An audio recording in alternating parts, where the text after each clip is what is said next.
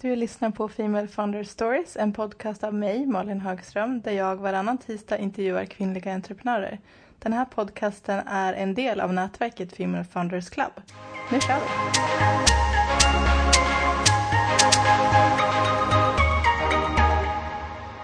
Hej och välkommen till Female Founder Stories. Det här är en podd om powershare, entreprenörskap och mindset. Idag så sitter jag här med Marielle Isaksson. Hon är entreprenör med många järn i elden och har bland annat en bakgrund som makeupartist och har grundat glossgods.com. Marielle, vad är din story och varför driver du Glossgods?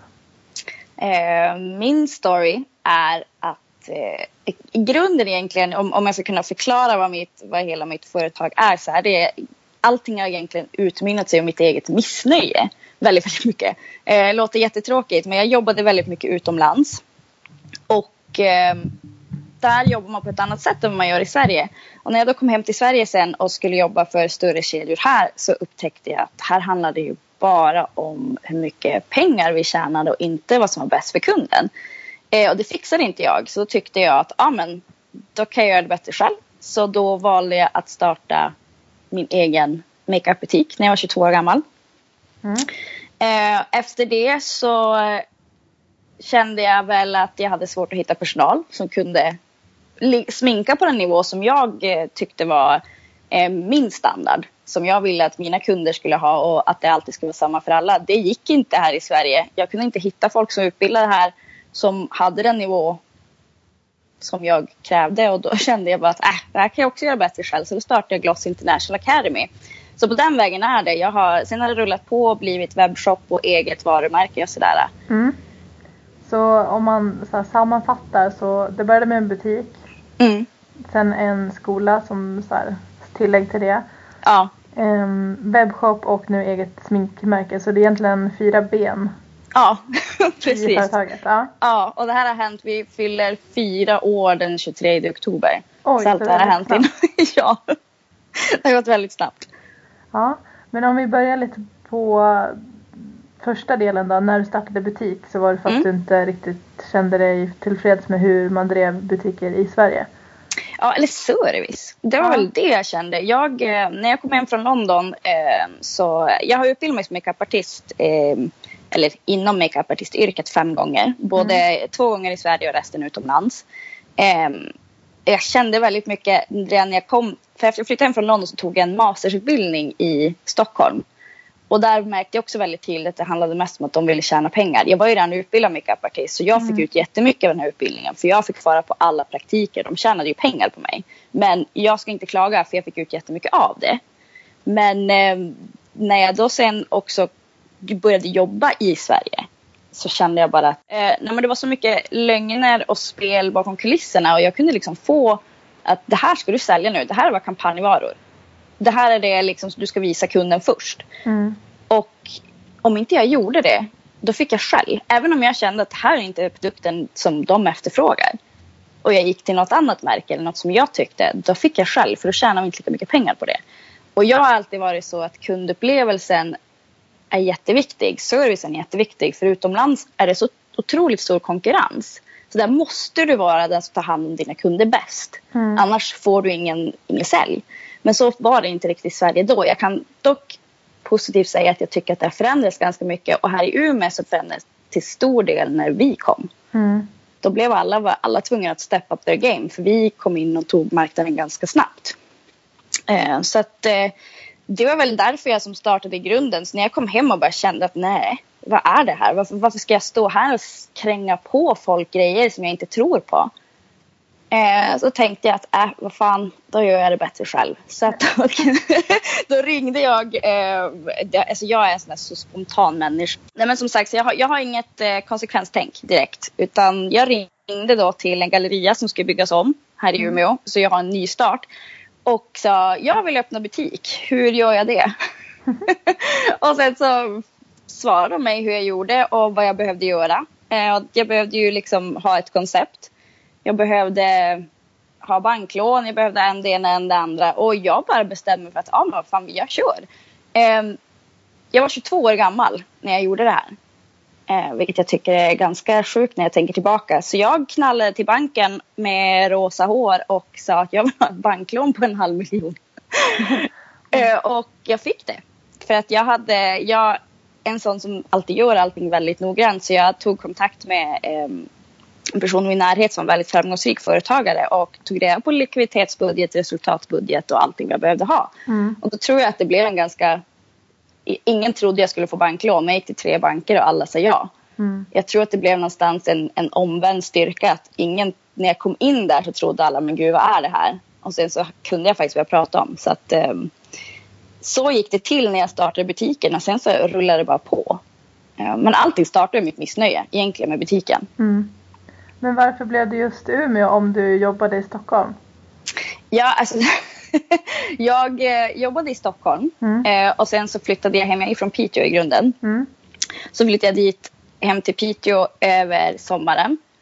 Eh, och jag vet inte, jag trivdes inte i Stockholm. Jag fick bara för mig att jag skulle flytta till Umeå. Jag hade ingen direkt plan. Jag flyttade för att öppna butiken. Mm. Det låter jättekonstigt men jag trivdes. Jag hade vänner i Umeå. Och hade mitt ex då som jag var med då. Han började plugga när jag ändå skulle vara här. Um, men egentligen hade jag ingenting annat. Utan Umeå har alltid bara känts som en väldigt trevlig stad för mig. Och jag har alltid sett mig själv att jag skulle kunna hamna där. Mm. Uh, Stockholm var inte för mig. Nej. Nej. Men då, grymt. Då, då fick du allt detta. Butik ja. och en ny stad. ja, precis. Jag, jag trivs jättebra. Eh, tycker dock det, folk brukar säga det, men du bodde i London och trivdes där. Hur kunde du inte trivas i Stockholm? Mm. Det, det, var bara liksom mentalitet där som jag tyckte som inte riktigt funkade för mig. Nej. Jag, är en väldigt, jag påverkas väldigt mycket av min miljö och alla intryck. Och en stressad miljö, då blir inte jag en glad människa. Nej. Men upplevde du London mindre stressigt? Ja, jag, jag, tror det handlar mycket om, alltså i London så är det så att om, om du går in i någon så ber de dig om ursäkt. Ja. Det, det, är som en helt annan alltså, vänlighet på ett sätt som inte vi svenskar har många gånger. Mm. Eh, jag upplevde i Stockholm när jag var där att jag blev så alltså i mentaliteten i tunnelbanan liksom att man ska kunna fälla en gammal tand för att få sitta. Alltså det är så här, jag kände liksom den där nästan vibrationen i kroppen att alla är så himla stressade. Eh, hur kommer det sig då att du började med eh, Gloss Academy International? Eller Inter International Academy kanske man säger? Ja, man kan säga lite som man vill egentligen. Mm. Eh, det var ju också då för att när jag hade haft butiken i kanske sex månader vi växte ganska snabbt och jag behövde en ny personal. Eh, och jag hittade jättefina tjejer och killar som alla var utbildade och snart ska jag göra sin provsminkning. Eh, för mig är det viktigt att alla kunder får samma standard. Så kunde de inte sminka, inte i mina ögon. Och alla var utbildade, oftast ganska nyutbildade däremot. Mm. Eh, men de, deras kvalitet på sminket var jättedåligt. Och de var de flesta utbildade här i Sverige på svenska skolor. Så jag eh, tänkte då samma sak där. Okej, okay, så ska jag hitta bra personal och få utbilda dem själv. Och då gjorde jag det. Så jag hade mina första elever när jag var 24. Eh, och många kan ju då titta och liksom tänka, men vad då? visste du vad du kunde? Och jo, det, jag, jag är relativt duktig makeupartist. Mm. Så att, eh, det, det, kunde jag även när jag var 24. Jag kan säga att jag är en ännu bättre makeupartist och lärare idag. Men... Eh, Såklart, man och, utvecklas ju. Ja, precis. Men vi har ju det var så det startade. Jag kände att det, det, här går inte. För jag har ju utbildat mig så många gånger både i Sverige och utomlands. Och i Sverige så tycker jag att man jobbar på helt fel sätt. Eh, jag kan ju bara prata för de skolor som jag vet jobbar på det här sättet. Nu har det tillkommit lite skolor som vi startade. Som jag, inte, jag kan inte säga hur de jobbar. Nej. Men de jobbar på ett väldigt sätt som jag tycker är 90-tal. Och deras kursplan är inte så att man lär sig grundteknikerna från början. Utan du, du hoppar väldigt mycket och ingen, man blir inte riktigt 100% bra på någonting. Eh, Medan utomlands så jobbar man på ett helt annat sätt. Och jag valde att anamma det sättet och vi har ju verkligen bevis för, hur duktiga våra elever blir. Eh, I SM så kom vi etta, tvåa, trea 2016.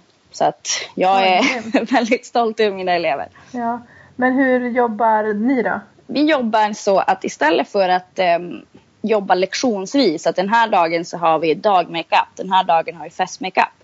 Eh, så jobbar vi de tre första veckorna bara med grunder. Eh, till exempel, vi har en hel dag där vi bara lägger bas. Okay. Eh, sen har vi nästa dag där vi bara gör ögonbryn. Och på det här sättet när man kan göra någonting perfekt från början. Sen fortsätter man ju träna på det hela tiden under varje lektion. Mm. Men kan man göra någonting ordentligt perfekt från början och göra det ordentligt. Då blir du en bättre makeupartist. Jag vet skolan jag gick på i Stockholm. Vår första lektion var dagmakeup. Men jag visste inte hur man la en perfekt bas. Jag visste inte hur man skulle tänka på om man bländade ögonskugga. Jag visste inte hur man gjorde en eyeliner. De bara visade allting lite snabbt men det är lite för mycket för att kunna ta in många gånger. Så, att det, så vi har valt att jobba på det sättet. Plus att vi också har internationella tekniker som ingen annan i Sverige utbildar i. Som eh, vi har specialutbildningar i, eh, jag och mina lärare. Så det får ju också vara, därför kallar International Academy. Vi eh, jobbar mycket internationella tekniker. Och så åker vi varje år till London och jobbar med eh, en av Europas bästa makeupartister. Med alla elever. Gud, grymt. Mm. Men hur, ehm, hur blev det att du tog steget till e-handel från butik sen då? Det var egentligen ganska naturligt. Eh, det blev automatiskt av eh, att jag hade mycket kunder från andra städer som Mm. ville handla. eh, Som inte bodde i Umeå. Så då var det att vi startade en liten webbshop först. Bara. Eh, Men sen så upptäckte vi liksom att det, att det var en större efterfrågan. Eh, Att folk gärna ville stödja oss. Så då startade vi ordentligt nu egentligen för ett år sedan. Mm. Så startade vi ordentligt vår webbshop som jag är så jäkla stolt över. För den är fruktansvärt snygg. Vi har en jättebra designer som har hjälpt oss. Så, eh, så startade den. Mm. Eh, och så sen så hade... Det vart ju, för vi startade ju vårt eget makeupmärke där i samma veva som skolan också. Och det gjorde jag ju för att jag tyckte att jag, hade, jag har ju varit återförsäljare åt jättemånga olika internationella märken. Men jag kände att jag behövde ett märke som var konsekvent som jag visste att var bra för både våra elever och för konsumenter men också för makeupartister. Mm. Så att det är ett all-around-märke. Så då tog jag fram Gloss Gods Cosmetics. Och nu säljer vi ju det på nätet och det går ju jättebra. Och det där är ju jättespännande för hur, hur många steg måste man inte ta för att få ett så läppstift i sin hand? Var, var börjar man någonstans? Ja, eh, det är ju en jäkla process faktiskt. För jag det tänker det måste säga. också passa huden. Det, inte- det måste ju vara så kvalitetssäkrat på så många plan.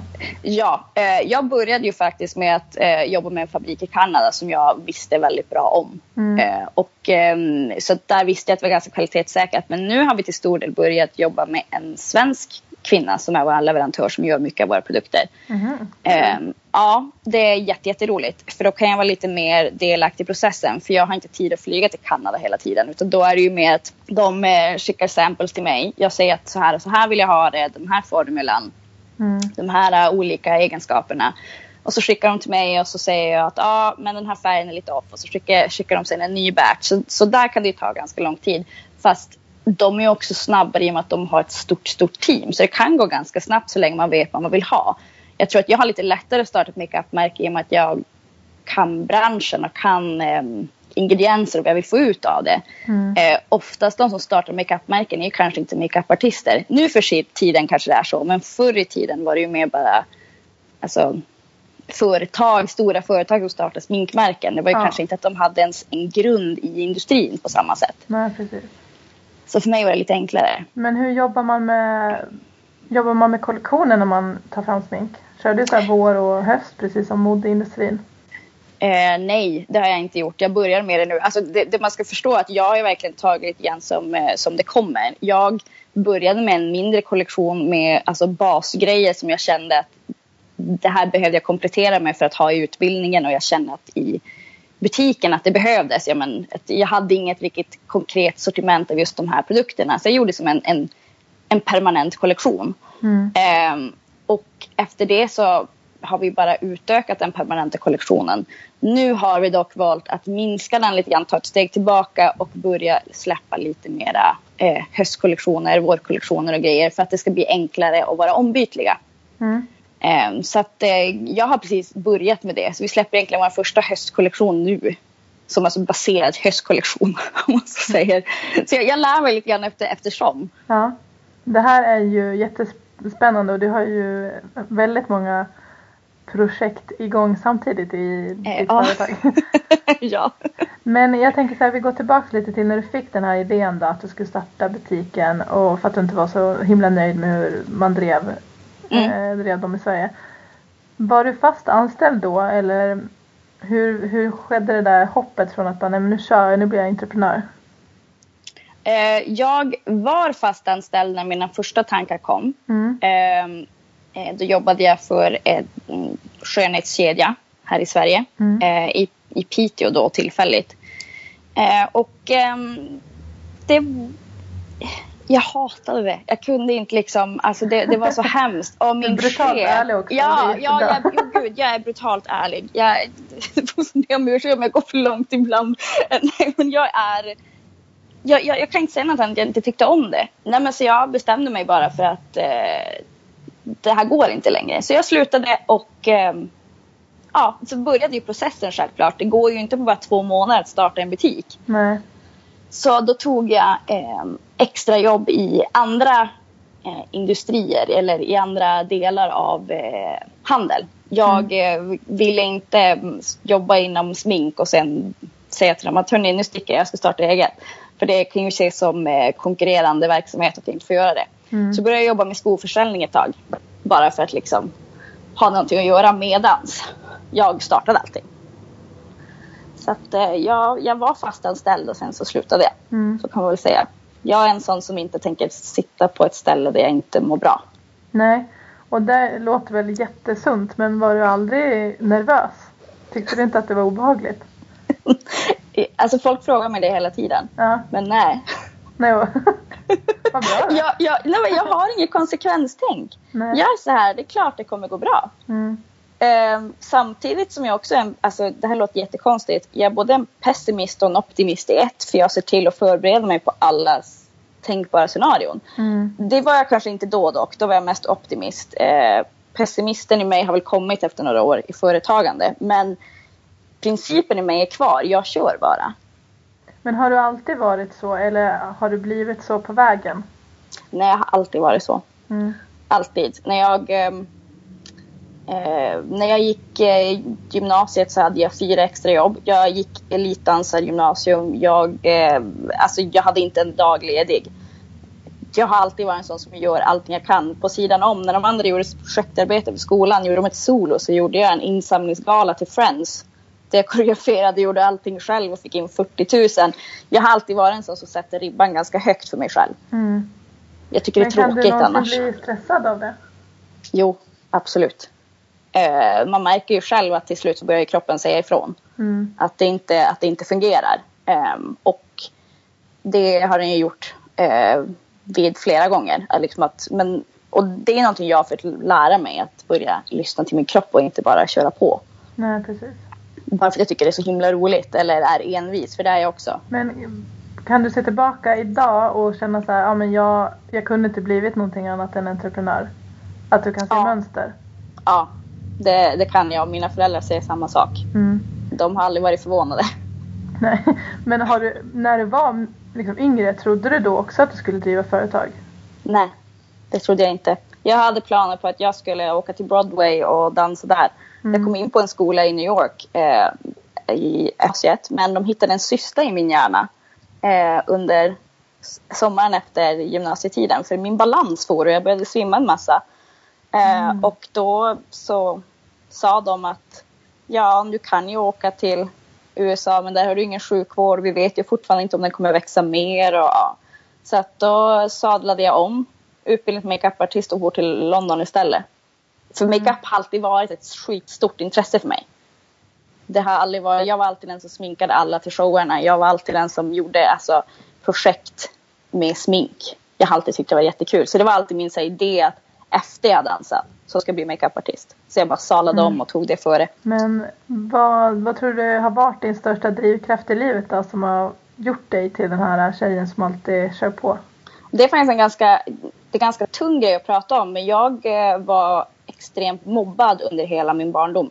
Jag fick flytta två gånger. Eh, och jag tror någonstans, det sitter självklart i min personlighet, jag har alltid varit en stark person. Mm. Men jag tror alltid att jag har känt att jag har behövt ta mig därifrån. På något sätt. Och att jag okay. alltid känt ett behov att behöva bevisa mig själv. Mm. Eh, och det har hela tiden liksom att det, jag, jag, är aldrig nöjd och det har satt sig någonstans där för att man får, sig, får fick till sig hur dålig man var och hur värdelös man var. Mm. Och att då någonstans har min mentalitet kommit liksom att jag måste alltid göra bättre. Jag måste alltid bevisa att jag är bra nog. Eh, och det här är någonting som jag inte insåg var min drivkraft förrän kanske för två år sedan. Eh, mm. Även om det är en negativ drivkraft så har jag vänt det till någonting positivt i alla fall och gjort någonting av det. Eh, ja precis. Men... Jag tänkte precis säga det. Kan du känna nu att du har tagit det och gjort det till något bra istället? Ja, Um, jag kan väl många gånger säga också, jag är ganska glad att det var jag som blev mobbad och inte en, gud vad hemskt det låter, uh, men inte en svagare människa. För så här är det, vissa människor är starkare liksom i sin personlighet och sitt psyke än vad kanske mm. Vissa andra är. Och jag kan ju tänka, hade jag inte varit en så stark person som jag är, för jag har alltid varit en stark person, jag har alltid haft en vilja och envis och sådär sedan jag var liten. Men hade inte jag varit så stark så vet inte om jag hade suttit här idag. Jag vet inte om jag hade överlevt min, min ungdom. Eh, så jag är väl väldigt glad att det drabbade mig på ett sätt som inte behöver drabba någon som är svagare. För jag har lyckats vända på det till att bli liksom en drivkraft. Eh, att försöka, det är ju tråkigt att man ska känna hela tiden att man ska behöva bevisa någonting. Mm. Men jag tror att det har varit en, en stor fördel. Mm. Vilken insikt. Ja, den, den är inte lätt att komma till kan jag säga. Nej. Men har du mött de här personerna idag? I vuxen ålder? Ja, eh, det var faktiskt ganska... Eh, jag, har, jag, alltså, det är så här, jag hade en ganska många olika eh, mobbare. Alltså, stort tjejgäng om man så säger. Jag blev mobbad av mina lärare också, tragiskt nog. Jätte, jättehemskt. Men jag mm. träffade en av de här ska man säga, de här bihangstjejerna. Helt plötsligt, jag sitter i affärsmöte och så kommer hon ner. Så jobbar hon på mm. företaget ovanför och minen, så när hon såg mig, alltså hon var så mm. rädd. Och alla i rummet förstod att det var någonting och jag försökte verka normal liksom och typ hälsa. Men ja, ja, ja eh, och jag blev väldigt skärrad efteråt. När jag träffar någon ja. av dem så går min kropp direkt in i ett slags fight or flight mode. Hela jag mm. börjar skaka och det blir så att antingen vill jag typ hoppa på dem eller springa därifrån. Eh, en väldigt konstig känsla. Eh, men de allra värsta mobbarna har jag träffat på olika sätt. Som eh, den ena sitter, satt, mötte jag i rättegång för att hon misshandlade min tremänning. Så att jag känner väl Oj. att jag har det lite bättre i livet om man säger så. De har, de har det inte så bra i sitt liv nu. Um, Nej. Så att uh, jag känner väl inte något direkt och jag vet inte hur jag ska beskriva det. Um, jag känner väl, det är svårt att säga men de fick väl lite grann vad, det är väl karma någonstans. Mm. Tror jag. För de, det var inte bara att de var barn som var elaka utan de var hemska hela vägen upp till 19 års ålder. Mm. Så att det var inte, man kan inte bara säga att de var ung och dum utan här är det människor som faktiskt jag skulle vilja säga på rent av är elaka.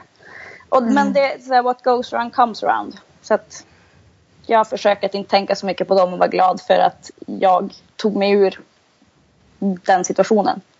Ja, det där är nog det absolut ärligaste svaret jag har fått på frågan. eh, vad någons drivkraft är, men jag tycker du är jättemodig som delar det. Ja, jag vill verkligen. Eh, jag har inte så jättemycket tid, men jag varit i kontakt med en organisation om att börja föreläsa om just mobbing när jag känner liksom mm. att jag har mer tid och sådär. Så för mig är det en väldigt viktig del i, mm. i mitt entreprenörskap också att kunna förbättra. Tidigare ville jag bara förbättra servicen. Ja, men nu har jag gjort det. Nu vill jag förbättra självkänslan hos mina kunder eller liksom att kunna berätta för folk att det blir bättre. Mm. Eh, och att man kan ta sig ur det och att, eh, att man på något sätt att man, det, man kan ta sig igenom och bygga någonting av det. Att det inte bara blir mm. nedtryckt av det. För det är det jag tror är största problemet för många. Jag valde att ta det som min stepping stool till success istället. Mm. Så att, eh, ja. Ja, jättemäktigt faktiskt. Tack. Um, jag tänkte fråga så här, vad har varit viktigast för att komma dit du är idag? Men tror du att det här kan vara en del? Ja, um, det har varit en stor del. Men sen måste jag säga mm. att min familj har varit en, också en stor del. Jag, har all, jag tror inte det finns någon så fantastiska föräldrar som jag har. De har stöttat mig i allt. De har aldrig ens tvekat en sekund på att Nej. jag ska fixa det här.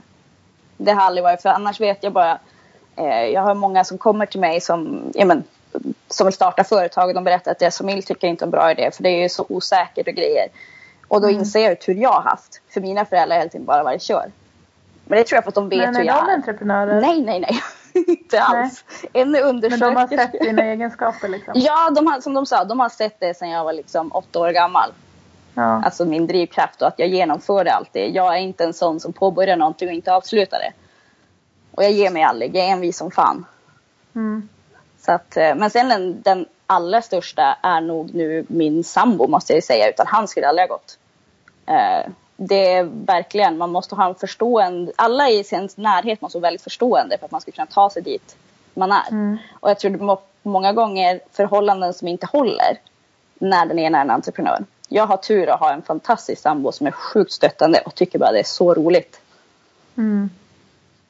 Så. Känner du att du har fått offra någonting för att eh, skapa det du har idag? För du har ändå växt, alltså ditt bolag har växt väldigt snabbt mm. på få år.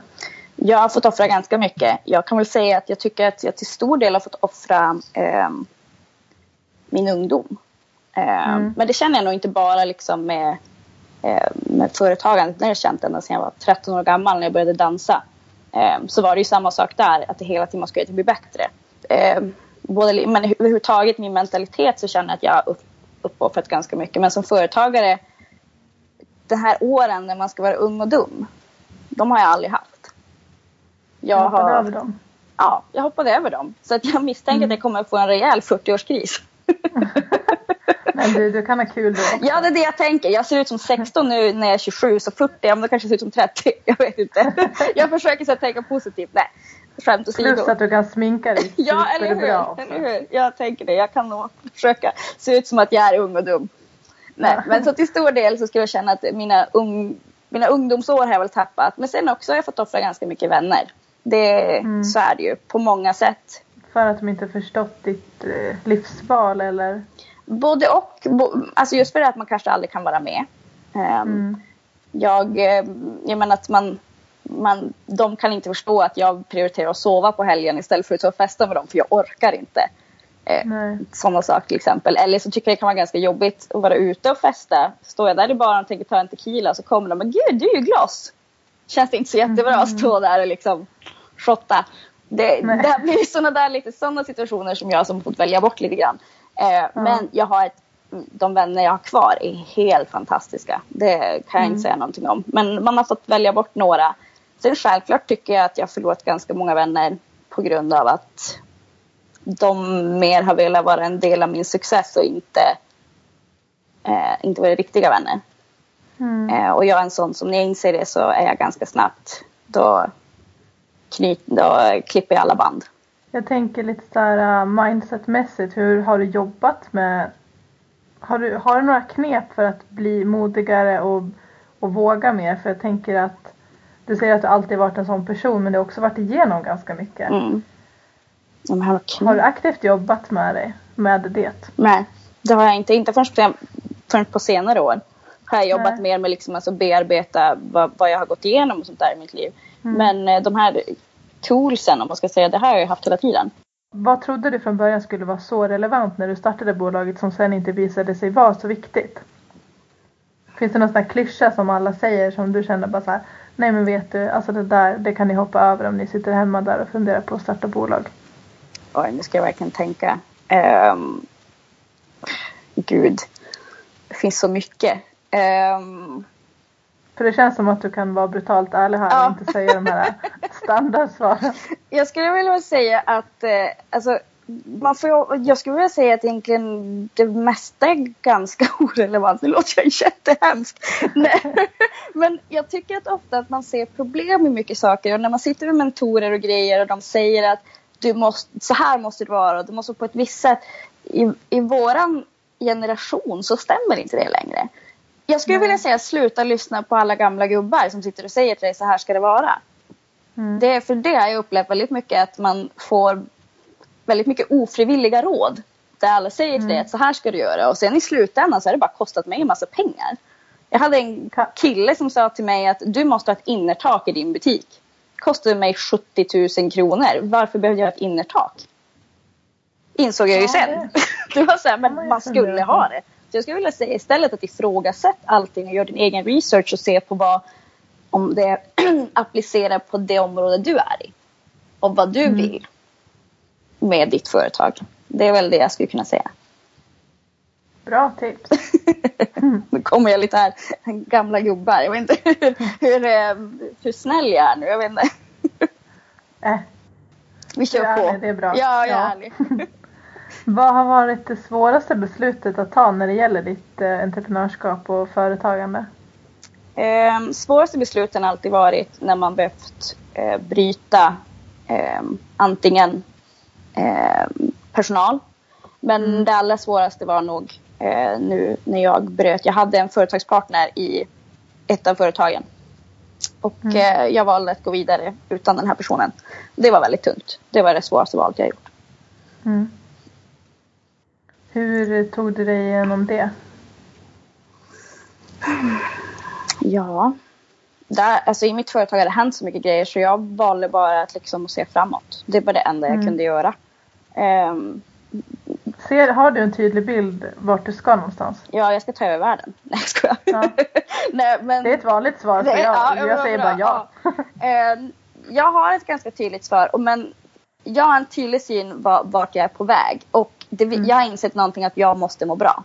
Det är det viktigaste. Mm. Och då gäller det arbetsplatsen, det gäller hemma, det gäller allting. Så allting som tar energi eh, och som inte jag känner att det fungerar och som får mig att må dåligt. Då bryter jag med det. Eh, och det Mm. är ibland de svåraste besluten man kan ta. Det, för det är ju det är jäkligt tungt. Men det är inte så att man inte har känslor i den relation som man kanske väljer att av, avsluta. Nej, precis. Mm. Är det här en insikt som har kommit de senaste åren? Ja, Mm. absolut. Tidigare var jag, i och med min mobbing och grejer, har jag alltid varit en people pleaser på ett sätt också. Varit väldigt Mm. rädd, jag vill att alla ska tycka om mig. Eh, och jag har varit rädd för att göra folk ledsna och sådär. Men det är någonting som jag har lärt mig att det fungerar inte. Eh, på, samtidigt som jag också säger har man o, alltså, nu säger jag, nu pratar jag svengelska, disrespected me. Det, jag kan inte säga det på ett bättre sätt. Men har man gjort det ett flertal gånger då, då tappar jag till slut respekten för den personen och då finns det inget att bygga på. När jag väl Nej. har gjort det då, då, då finns det inget kvar för då bryr jag mig inte om den personen. Då, är det så här, då har jag inget intresse i att bygga vidare. Eh, och då klipper jag alltid banden. Och tyvärr så gäller det ju både personal, vänner, det, det gäller allting. För någonstans i alla relationer måste finnas respekt. Mm. Eh, Kan du uppleva att du har ja, men, upplevt avundsjuka kring det du har åstadkommit? Ja, väldigt mycket. Ja. Eh, oftast upplever jag avundsjukan mest med sådana som kanske har fått vara med och som jag sen kanske har brutit med. Då blir det väldigt, det blir väldigt lätt att hata mig då. Eller det blir väldigt lätt att liksom att man vill gärna hitta fel med mig. Eller med Mm. mitt företag och liksom sådär. För det är klart, det, det, det är ganska typiskt den svenska avundsjukan. Det är inte ovanligt liksom. Och bland tjejer är det tyvärr så att vi försöker ofta tävla med varandra, vilket är tråkigt. Jag vill Mm. gärna att det ska gå bra för alla. Ehm, men eh, oftast är det ju så att är du på väg uppåt så finns det folk som gärna försöker hålla dig kvar nere. Och går inte det, ja, då börjar de prata illa om dig istället. Mm. Och försöker förstöra.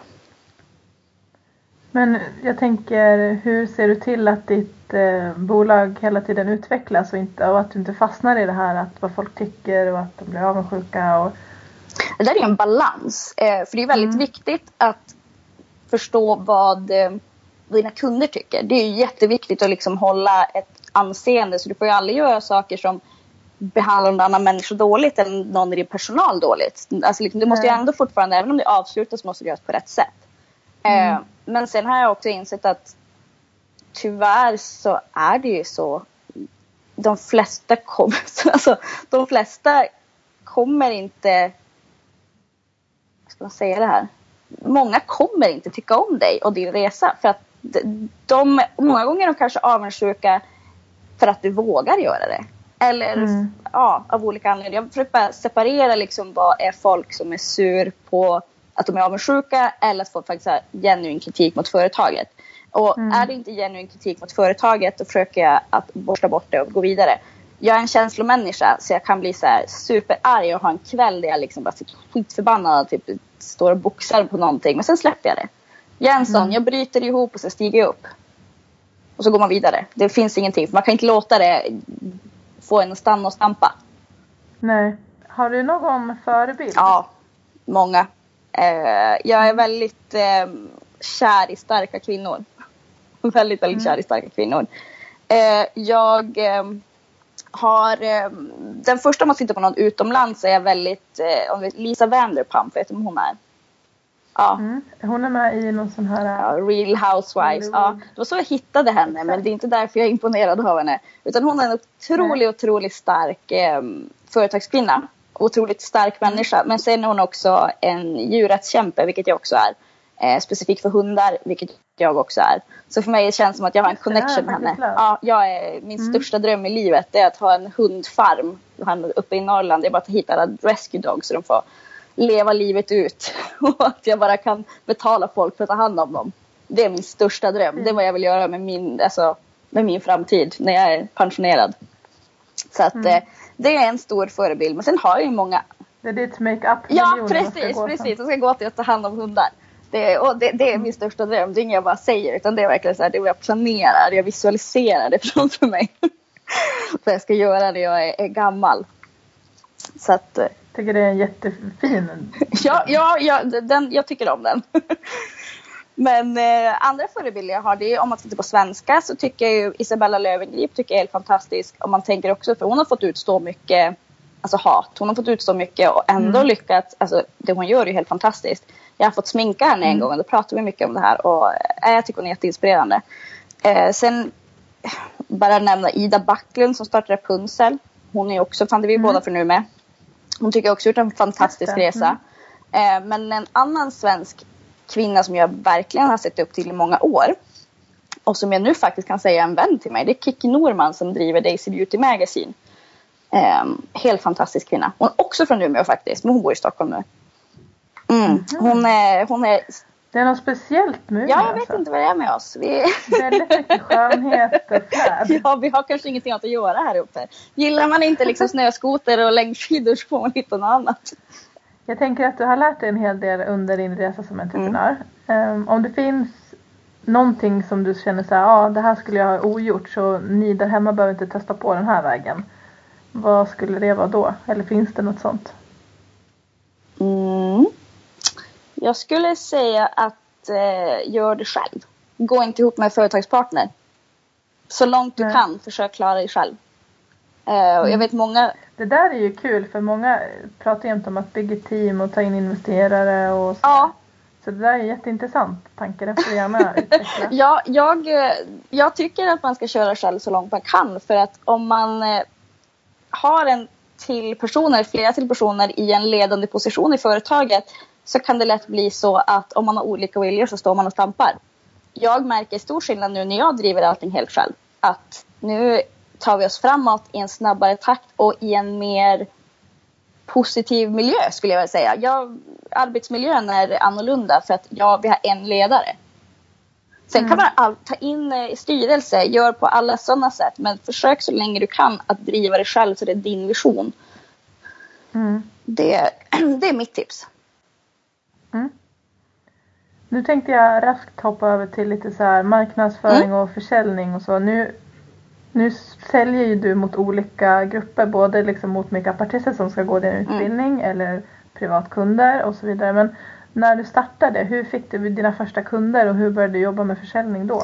Eh, I och med att vi startade i en galleria eh, så fick vi ganska mycket kunder direkt. Alltså generellt, vi låg ju bra till. Så vi jag behövde inte göra så mycket marknadsföring, jag behövde inte göra så mycket grejer. Och vårt sälj, våra säljtekniker var Mm. alltså bra service, det var allt. Vi, Mm. vi byggde upp vårt varumärke i grunden på grund av word of mouth. Alltså att folk rekommenderade Mm. oss vidare. Men vad är bra service för dig? Därför vet jag att du sa att du tyckte inte att vi var så bra på det i Sverige när det gäller just ehm, ja, men inom din bransch. Men Hur ser du på service? Eh, om, man, om jag då tänker liksom i insurance-branschen, det jag, det jag kan prata mm. för, eh, så tycker jag att det är väldigt mycket att lära känna din kund. Att inte bara liksom för att det här är något jag säger till mina elever väldigt mycket, för man jobbar ju ofta i handeln som makeupartist, eh, mm. eh, åtminstone till en viss del. Eh, att om en kund säger att de, eh, ja, men de får mycket akne, ja, att gå då inte automatiskt bara, okej okay, hon har akne, det går ju på något för fet hy, utan ställ frågor. Ta reda på saker, mm. var intresserad av din kund. Ställ följdfrågor som kanske gör att du kan hjälpa dem på ett bättre sätt. Där jag upplever att många de har sin standardmanual vad de går igenom när de ska hjälpa någon och sen så blir det inte bra i slutändan och då går kunden någon annanstans. Och sen mm. ibland också att kanske jag säger det till mina elever hela tiden och till mina eh, anställda att ibland kanske inte du har det de söker. Var då ärlig med det för då kommer de att komma och fråga dig nästa gång. Skicka dem dit mm. där, du kan, där de kan få hjälp. Säljet, det enskilda säljet är aldrig viktigare än en nöjd kundupplevelse. Nej. Det, det där är ju så kul att du säger faktiskt. Ja. Jag tror att många Ja, det. och det var ju så det var väldigt mycket. Liksom, vi skulle sälja den här specifika varan på de större kedjorna. Det här hade vi kampanj på. Den här tjänar mycket pengar på. Det här ska vi kränga nu. Och det tycker inte jag om. Det, det, funkar, det, det går inte hand i hand med min filosofi. Vad tror du att ditt, eh, eller dina företag är om fem år? Eh, jag... Um, oj. med tanke på vad vi är på fyra år så vet jag inte ens om jag kan gissa. Då har du 55 ja, företag och 300 hundar. Ja, eh, det där med 300 hundar låter som en dröm. Jag har ju tre nu. Så att, jag behöver bara gånger hundra. Nej, jag, jag, vet inte. Jag tror nog att vi kommer... Eh, jag tror vi kommer vara kvar ganska bra där vi är, men vi kommer ha växt. Eh, skolan går ju helt fantastiskt bra. Vi har, fyller ju alla kurser och nu, jag, vad som har hänt den här terminen, vi har börjat få så bra rykte. Så hips hips har vi kanske till skolan någonstans. Eh, att vi... Mm. Ser du att den är utomlands då eller ser du att den är i Sverige? Oh, Gud, det var en svår fråga. Eh, södra Sverige eller Norge skulle jag gissa. I så fall. Mm. Eh, eventuellt Danmark. Då det är ganska nära. Ja, jag vet inte. Tankarna har ju funnits där självklart. Men gällande mm. sminkmärket och online-shoppen och sådär. För det är där jag lägger den mesta fokusen nu. För det känner jag verkligen är framtiden. Eh, mm. Jag tror att vi kommer ha växt och bli ett varumärke som folk, alltså ett välkänt varumärke. Det tror jag, för vi har väldigt mycket bra värderingar i grunden. Vi har inte bara anpassat våra värderingar efter vad som är trendigt nu, att man ska vara feminist och man ska vara cruelty free och vegan och grejer. Vi har alltid varit det. Och vi har de genuina mm. eh, vi har det genuint i vårt företag. Våra tre ledord är gender neutral, unapologetic och cruelty free. Och det är det vi alltid har varit. Eh, jag tror det mm. finns andra företag som bara anammar det för att det är så trendigt att vara det nu. Eller att det liksom har blivit en liten minirevolution bland kvinnor till exempel. Att det här med feminism och female empowerment. Men vi har alltid haft det. Mm. Eh, så jag tror mm. någonstans att folk kommer se att vi genuint är det. Och vi kommer organiskt växa under de här fem åren till att bli en, en ledande en branschledande företag. Det tror jag. Och sen tror jag vi kommer, mm. är mm. ganska stora utomlands. Vi är egentligen störst utomlands just nu. Så att eh, jag hoppas väl att vi har växt bara ytterligare. Gud vad häftigt. Ja. Vad skulle du säga om du fick ge tre tips till den som sitter där hemma och antingen har ett företag men som vill växa det eller har en idé som den vill komma igång med? Har du några tre, det här är mina tre bästa tips. Eh, jag har åtminstone två som jag kom på direkt. Jag ska säga om jag har tredje också. Det första jag brukar säga eh, om man inte har startat ett företag men om man är tankarna det är en grej som jag alltid säger. Det här är också till folk som kommer och inte vet om de ska gå en utbildning. Jag brukar alltid säga, mm. föreställ dig att du är 80 år. Vad är det du kommer ångra mest att du inte har gjort? Och är det då det mm. för, alltså att du tänker att gud, det är det här företagets idén. Det här är det jag kommer ångra mest att jag inte gjort. Det här jag brinner för. Då ska du köra. Är det inte det, är det så att du kommer ångra att när jag inte skaffade familj. Ja men just då kanske det inte mm. är 100% rätt för dig att starta företag. Det kanske kommer om några mm. år. Man måste vara beredd på att när du startar företag, det är tio gånger hårdare än vad någon någonsin kommer säga till att det är. Och alla mm. säger att det är hårt. Eh, och man mm. måste vara beredd på att det här är det man verkligen vill. Eh, sen mm. är inte det som hindrar att inte du kan ha familj sen om några år senare. Men så för mig har alltid det varit viktigast. Företaget nu, familj kommer sen om några år. Bara så att mm. det inte ligger så att familjen kommer först och sen kommer företaget. För då tror jag det kan bli en obalans i liksom ens prioriteringar. Eh, så jag brukar bara mm. säga att jag tycker att det, det är ett tips som jag har. Att det, är det viktigt för dig, är det det du tänker att här kommer jag ångra mest, då är det bara att köra. Så det är väl mitt största tips. Sen när man är företagare så brukar jag säga att man ska vara en lite pessimistisk. Jag brukar säga att jag är realistisk. Um, mm. För jag är optimistisk pessimist. Ja. så jag brukar säga att jag är realist istället. Um, att alltid tänka vad är det värsta tänkbara scenariot som kan hända och vara mentalt förberedd på det. För då är du mm. redan, då, då slår det inte omkull fötterna på dig. Utan då är du liksom där. För jag har blivit omkullslagen så många gånger och man sitter där golvad och tänker gud, vad gör jag nu? Men har man liksom, vet man vad är det värsta som kan hända om jag tar det här beslutet? Och liksom är beredd att okej, okay, det här är det som kan hända. Vad händer jag om det händer? Vad gör jag? Så går man vidare. Så mm. då behöver man aldrig liksom känna att man, att man står där och eh, inte vet hur man ska hantera saker. Då har man redan mentalt förberett sig på att okej, okay, det här kan hända. Och då kan man snabbare gå vidare. Men tror du, är du inte rädd för att man bromsar sig själv då? Det, ja, vi, jag fungerar så. Jag kan ju inte prata för någon annan. Men jag tycker inte att jag bromsar mig själv. Utan jag kör fortfarande på. Men inte huvudet har jag liksom. Du bara jag bara upp, säkrar liksom. upp min mentalitet. Att liksom att okej, okay, mm. om jag gör, tar det här beslutet. Om jag kör vidare på det här. Då kan det här hända. Okej. Okay. Då vet, bara att jag är medveten om det. det. För mig fungerar det aldrig så att det stoppar mig. Men som sagt, jag har inget konsekvenstänk. Jag försöker lära mig att ha det. Mm. Så det, men det är väl mitt. Jag tycker bara liksom att man kanske ska vara lite genuint pessimistisk bara för att man inte, så att man inte tar fel beslut. Mm. Det tycker jag kan vara viktigt. Då har jag en sista fråga mm. till dig. Vad är ditt favoritcitat? Det är faktiskt ett citat jag har sagt själv. Ja, såklart.